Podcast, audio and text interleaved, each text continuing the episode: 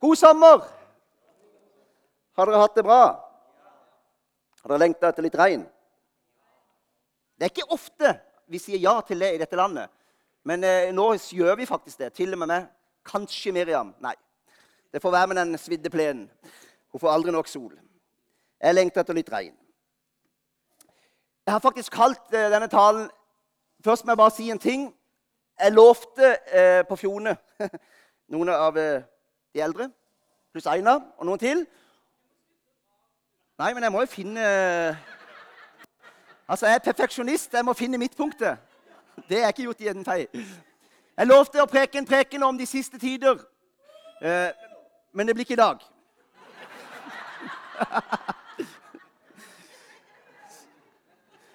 Men jeg lover at det kommer. Men det blir ikke i dag. I dag blir det nesten en tale som består av anekdoter. For du som kjenner det ordet. Nesten sånne små andakter. Jeg har kalt det sommerdrypp. har jeg kalt det. Og Vi var på vitnemøte sist søndag. Hvor mange var her da? Det syns jeg var så fantastisk. Noe så enkelt og noe så flott og noe så sterkt. Ikke sant, Bjørn? For det er noe med dette at når vi deler Jesus, så blir vi kjent med andre. Det står jo om det i Skriften at vi skal ikke bare kjenne hverandre etter kjødet, men etter ånden. Og det skjer noe blant oss når vi deler Jesus, når vi deler vitnesbyrdet. Det skjer noe, det blir en sterk atmosfære, og du kommer nær hverandre. Og, jeg, og, jeg jeg var, og Miriam var jo oppe og var veldig grepet. Og Hadde ikke du gått opp med ham, så hadde jeg gått opp. For jeg var akkurat i ferd med å gå opp og si akkurat det samme som det. Og mine tårer sto i mine øyne, og jeg, fordi jeg nyter å høre hva som bor i hjertene deres. Å få være med i en menighet med så mange som virkelig brenner for Jesus, som lengter etter han, og lengter etter at mennesker skal bli frelst, det er et privilegium. Og det er ikke sånn overalt. Så ta det til dere. 1. Korinterne 12, 14. Nei, 1426. Når dere kommer sammen, har den ene en salme, en annen har lære, en har åpenbaring, en har tungetale, en har tydning, men la alt tjene til å bygge opp. Det er det vi opplever. Ikke minst når vi har vitnemøter. Eller vi har grupper hjemme, eller vi har husmøter. Jeg tror på dette, at vi kommer sammen, og så får Ånden virke fritt. 1. Korinterne 12, 14 sier, For legeme er da ikke bare ett lem, men mange. Vers 18 sier, Men nå har Gud satt lemmene sammen, hvert enkelt av dem, på legeme, akkurat slik som han selv ville. Og hvis de alle var ett lem, hvor ville da legemet vært? Altså Han snakker om menigheten som en sånn fullkommen kropp.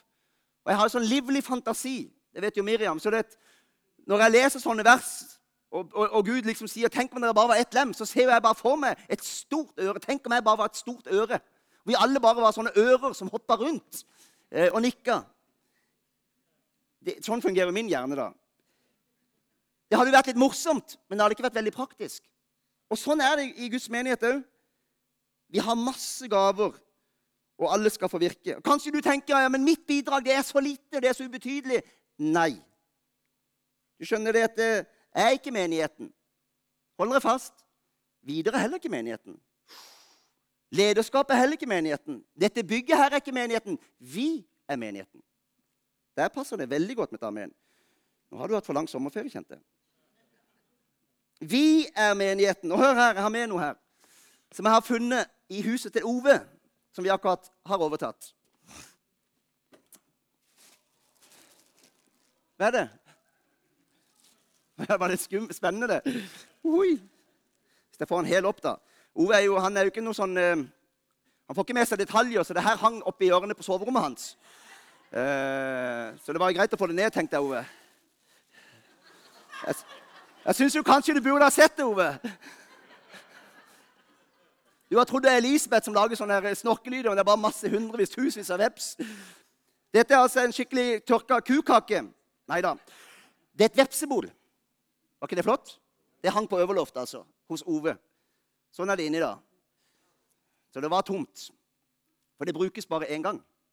Så her, ja. Nå skal jeg bare holde det veldig forsiktig. Ta det på hodet, ja. Nei, mitt hode. Nei takk. Altså, det her er lagd av Hva tror dere det er lagd av? Det er lagd av tre. Eller det er faktisk papir. Cellulose. Nå skal du høre noe spennende. Dronningen lager et bitte lite bol. Akkurat nok til seg sjøl og noen få egg. Men tror du dronningen har lagd dette alene? Det her kan du, vet du. Aldeles ikke.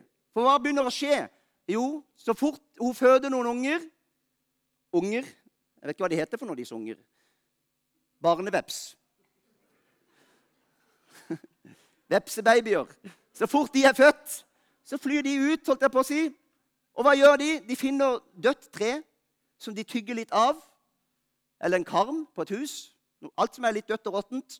Og så spiser de på det og blander det med spytt, så det blir cellulose. Og så flyr det altså tilbake og legger det på bolet.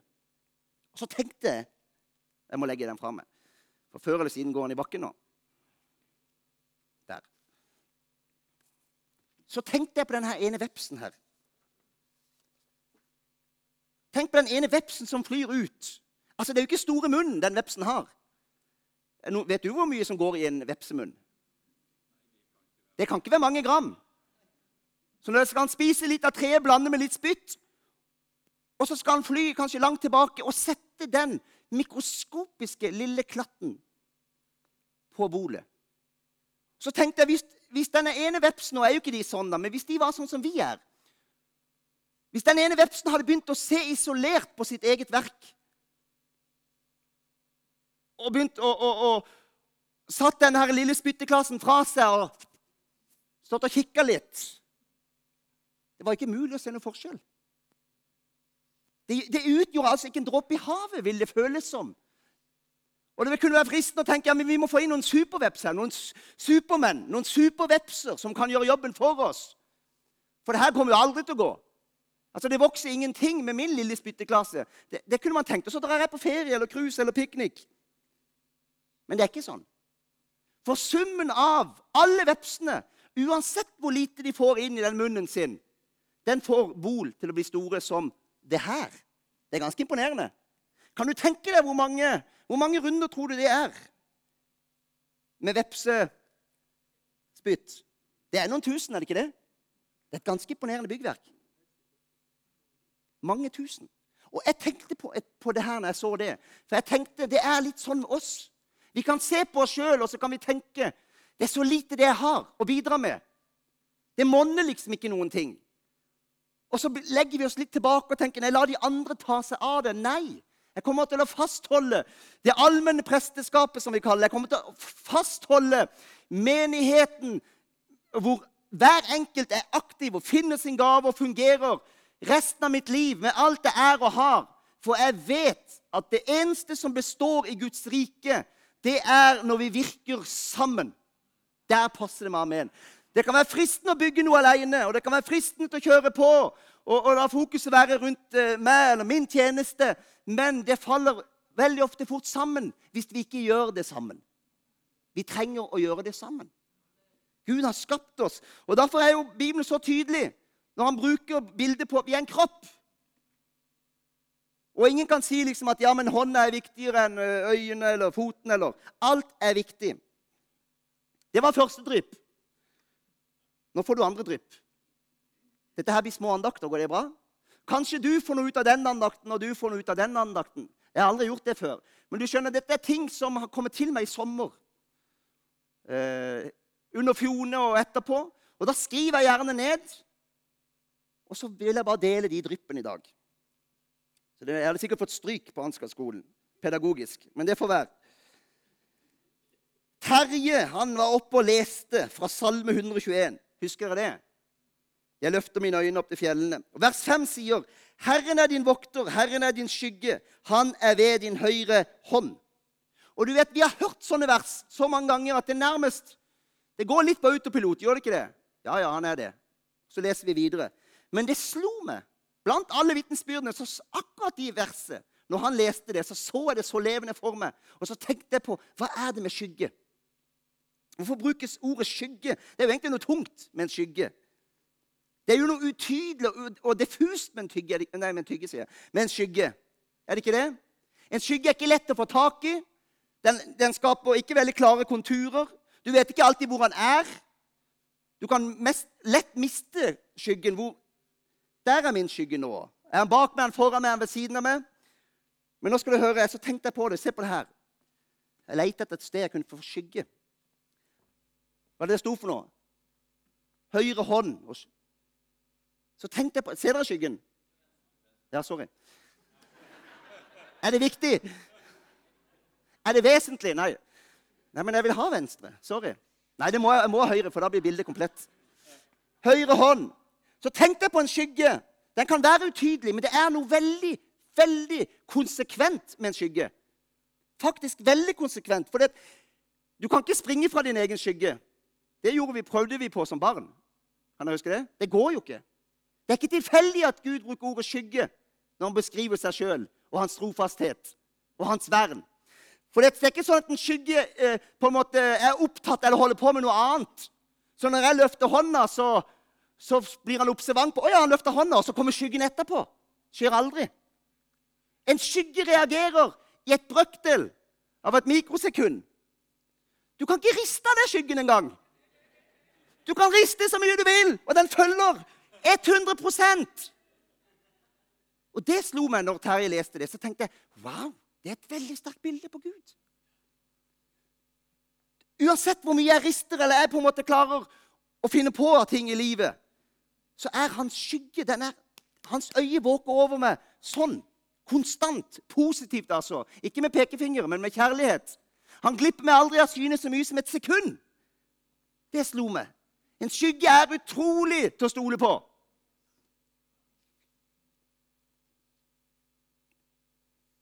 Derfor står det er vi troløse, så er han trofast. For han kan ikke fornekte seg selv. Er vi troløse, så er han trofast. Det er et veldig sterkt ord grunn på det. Ofte så tenker vi at nå har jeg vært troløs. Nå har ikke jeg vært noe særlig på, så nå kan jeg ikke forvente noe. Nå må han få lov til å være opptatt med andre. Så jeg, kan jeg ikke forvente at den skyggen skal henge på da? Jo, til og med da. Det står her er vi troløse, så er han trofast. Det er nåde over nåde over nåde. Men det er så vanskelig for oss å gripe det. Amen. Tredje drypp. Det var rar tale. Men det går fint, gjør det ikke det? Grisene og ulven. Du er rar, Geir, tenker du. Men det er satt på Fjone på et møte og hørte en, en flott preken. Jeg husker ikke hva prekenen var om engang. Men sånn er det bare. Det slår bare av og til ned i meg. Ting som ikke jeg har tenkt på på lenge sett for meg på lenge. Plutselig kommer det sånne bilder. Og dette var bilder fra tegneserier. Har dere lest om grisene og ulven? De tre små grisene og ulven. Jeg hadde ikke lest det siden jeg var barn. Jeg kunne aldri ha kommet på det. Men Gud har minnet meg på sånne merkelige bilder. Det er helt merkelig. For plutselig ser jeg dem. Jeg ser stripene levende for meg. Og jeg ville minnet om det under en tale. Og jeg får med meg talen òg, altså. Hvor ulven kommer og blåser ned grisenes hus. Har dere lest det, ungdom? Dere har det, altså. Og to av de, hvis jeg husker riktig, det håper jeg jo, to av de bygger opp igjen med samme materialer. Og ulven kommer en gang til og blåser, og det detter igjen. Men den tredje grisen han er litt smartere, for hva gjør han? Kan dere huske det? Han bygger først opp et vanlig hus, trehus. Det ser helt likt ut som det det gjorde. Og det ser helt likt ut som de to andres hus. Men han gjør én vesensforskjell. Han bygger han kler hele huset innvendig med murstein. Har dere sett den? Så det ser likt ut. Men det har kommet inn en forsterkning i det huset som gjør at når ulven kommer og blåser, så blåser han seg helt grønn i trynet. Og alt står. Hør, når vi har gått på trynet i livet eller bomma og feila, så må vi jo ikke bygge opp igjen huset med de samme materialene, med de samme verdiene, med de samme vanene, Hører du hva jeg sier? Da må vi bygge opp med noe som er sterkere. Så når djevelen kommer neste gang, så faller du ikke like lett. For du har reist opp en grunnmur innvendig. Og det, og det er klart at På utsida kan ting se veldig likt ut. Og For oss som er familie og kjenner hverandre, så kan det være veldig lett å feilvurdere hverandre. Og Når noen har gått på, på en smell, eller et eller annet, så, så tenker vi ja, sånn er de. Men du vet ikke hva som skjer i et menneske. Du vet ikke hvordan et menneske kan utvikle seg. Og så tenker vi ja, sånn er de. Det går nok sånn igjen. Det kan være, men ikke om grunnmuren forendres. Vær rotfestet i ham og bygd på ham. Stå fast i troen etter det dere har lært. Rike på takk til Gud. Kolosserne 2,7. Vær rotfestet i ham. Det innvendige er alfa omega. Vi lever i tider hvor nesten bare det ytre virker til å ha betydning. Image betyr alt. Det er ikke sikkert alle av dere voksne er på nett på samme måte som ungdom, men image betyr alt. Hva som er sannhet, virker til å være helt irrelevant for mange. Bare de får presentert noe, så de andre kan tro noe, så ting ser bra ut. Dette er tider som nye generasjoner vokser opp i. Så Der må vi rope varsko faktisk og si Glem ikke grunnmuren. Glem ikke det innvendige. Glem ikke å være rotfesta i ham. Det betyr så mye mer. Gjør det ikke? Kan du huske For mange år siden så tok jeg med meg en svamp. To svamper som også så helt like ut. Men de var fylt med forskjellige ting. Den ene hadde jeg fylt med cola, og den andre hadde jeg fylt med vann. Det var kanskje på et ungdomsmøte. Og så sier jeg at når livet er rolig, sier jeg, og du bare betrakter det på utsida, så ser du ikke forskjell på de. Du kunne ikke se at det var cola i den svampen. Det var trukket godt inn. De så helt like ut. Men når livets prøvelser kommer og, og klemmer på det, så ser du hva som kommer ut. Så kom det cola ut av den ene, og så kom det vann ut av den andre.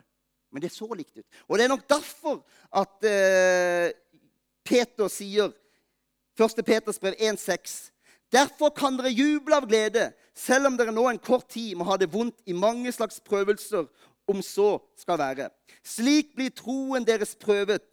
Selv forgjengelig gull blir prøvet i ild. Troen som er mye mer verdt, må også prøves, så den kan bli til pris og herlighet og ære for dere når Jesus Kristus åpenbares. Jeg tror Gud han må av og til klemme på livene våre. Han trenger å se hva kommer ut. Hva har vi fylt som du sa? Hva har vi fylt oss med? Hva har vi sluppet inn gjennom, gjennom sinnet vårt og følelsene våre? Det er det som kommer ut. Men det der kan vi klare å holde oss. De fleste av oss klarer liksom å beherske oss når vi bare er sosiale. Og når vi bare er sånn overfladisk sammen, så klarer de fleste å ta seg sammen. Hvis ikke man sliter voldsomt med bråsinne eller noe sånt. Men de aller fleste opplever at de klarer å ta seg sammen. Selvfølgelig. Men det er klart, når livet klemmer, så kommer gjerne dårlige ting ut. Jeg tror Gud faktisk gjør det av og til. Han trenger å se. Han trenger å styrke troen vår. Og jeg har vært forundret, jeg har sagt det så mange ganger, hvordan Gud kan på mange måter både kalle det, utruste det, gi deg store visjoner, og så på en måte la det, la det henge der i en tråd utfor stupet. Og Du vet ikke hvor det går, eller hvor du er på vei. Og Du skjønner ikke alltid hva som skjer, og du lurer på hva skjer nå, Gud. Hvorfor, hvorfor er det sånn? Følelsesmessig så kan det være tøft, men jeg skjønner jo mer og mer som årene går. Gud har en plan med alt sånn. Og Gud kan bruke så lang tid han vil. Det kan være han har kalt det for mange år siden, men han, men han jobber fremdeles med det. Det er bare Gud som er Gud. Ikke sant, Frode? Han gjør som han vil. Nei, Frode snakka om det her for noen dager siden. Han gjør som han vil, når han vil, hvordan han vil. Og det trenger ikke engang passe oss. Det trenger ikke være i vår time. Det trenger ikke være når vi ønsker det, men det er når han ønsker det. Når han ser du er klar. Kan det godt være at du var klar for lenge siden, du bare ikke skjønte det sjøl. Det tror jeg veldig ofte. Men det er en annen tale. Vi lever i tider hvor, i Vesten spesielt, hvor det skal være behagelig. Det skal være komfort. Og det er noe med det. Misforstå meg rett. Veldig ofte er det sånn at når du har lyst til noe, så er det Gud som kaller deg til det. Veldig ofte er det sånn. Men vi kan ikke lage teologi på det og si at hver gang Gud kaller noen, så har de bare lyst. Da kjenner de en usigelig glede og lyst til å gjøre det. Det er ikke alltid sånn det er, kjære venner. Og hvis vi skal være styrt av bare det, så blir vi fattigslige. For han kan kalle oss til litt av hvert, og alltid har vi ikke engang lyst. Men Gud er Gud. Om alle mann var døde, og alle land lå øde. Så det er noe med å ta Gud tilbake og sette Gud der Gud hører hjemme. Nummer én. Som både far og som sjef og som herre. Han er ikke til Altså, vi snur det på hodet. Og så tenker vi at vi tror at han er til bare for oss. Og vi tenker hva kan vi få ut av dette? Er ikke det samfunnsånden? Hva kan jeg få ut av dette? What's in it for me? Hvilken fortjeneste, hvilke goder kan jeg få av å velge Han? Vi har snudd det på hodet. Nei, det er Han som har gitt deg alt. Han frir deg ut. Han som har kjøpt deg fri. Passer det òg godt med et? Jeg sa amen.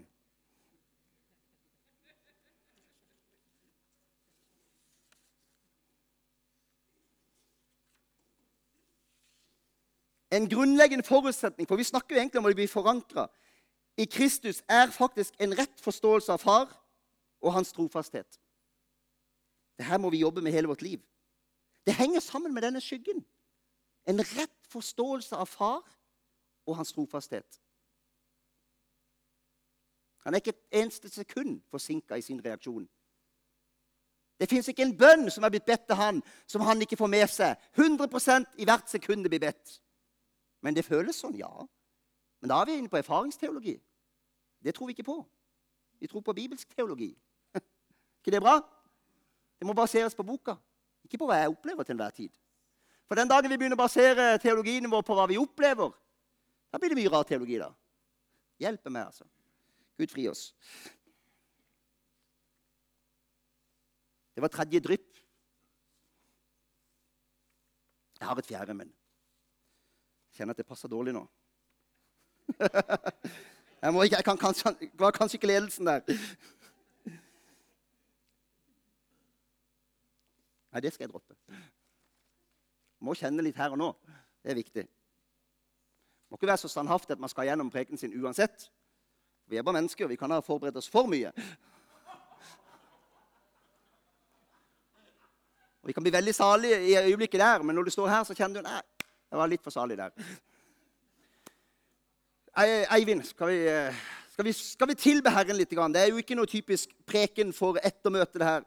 Og Du har vært på så mange ettermøter i sommer, antagelig. Og det er flott. Men vi åpner alltid for forbønn. Gjør vi ikke det?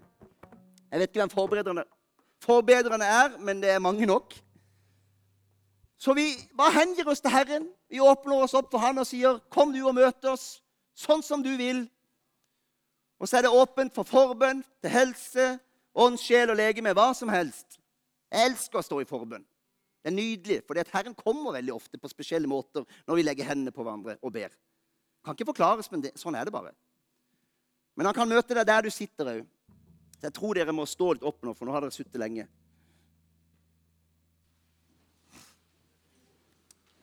Takk, Herre, for at du lever, Herre. Takk for at du er her, Jesus. Og takk for det at eh, vi kan innvie oss for det innenfor et nytt år, Herre. Du strekker oss, Herre, og strekker våre visjoner og våre drømmer, Jesus. Herre, men du rotfester oss og grunnfester oss, Herre.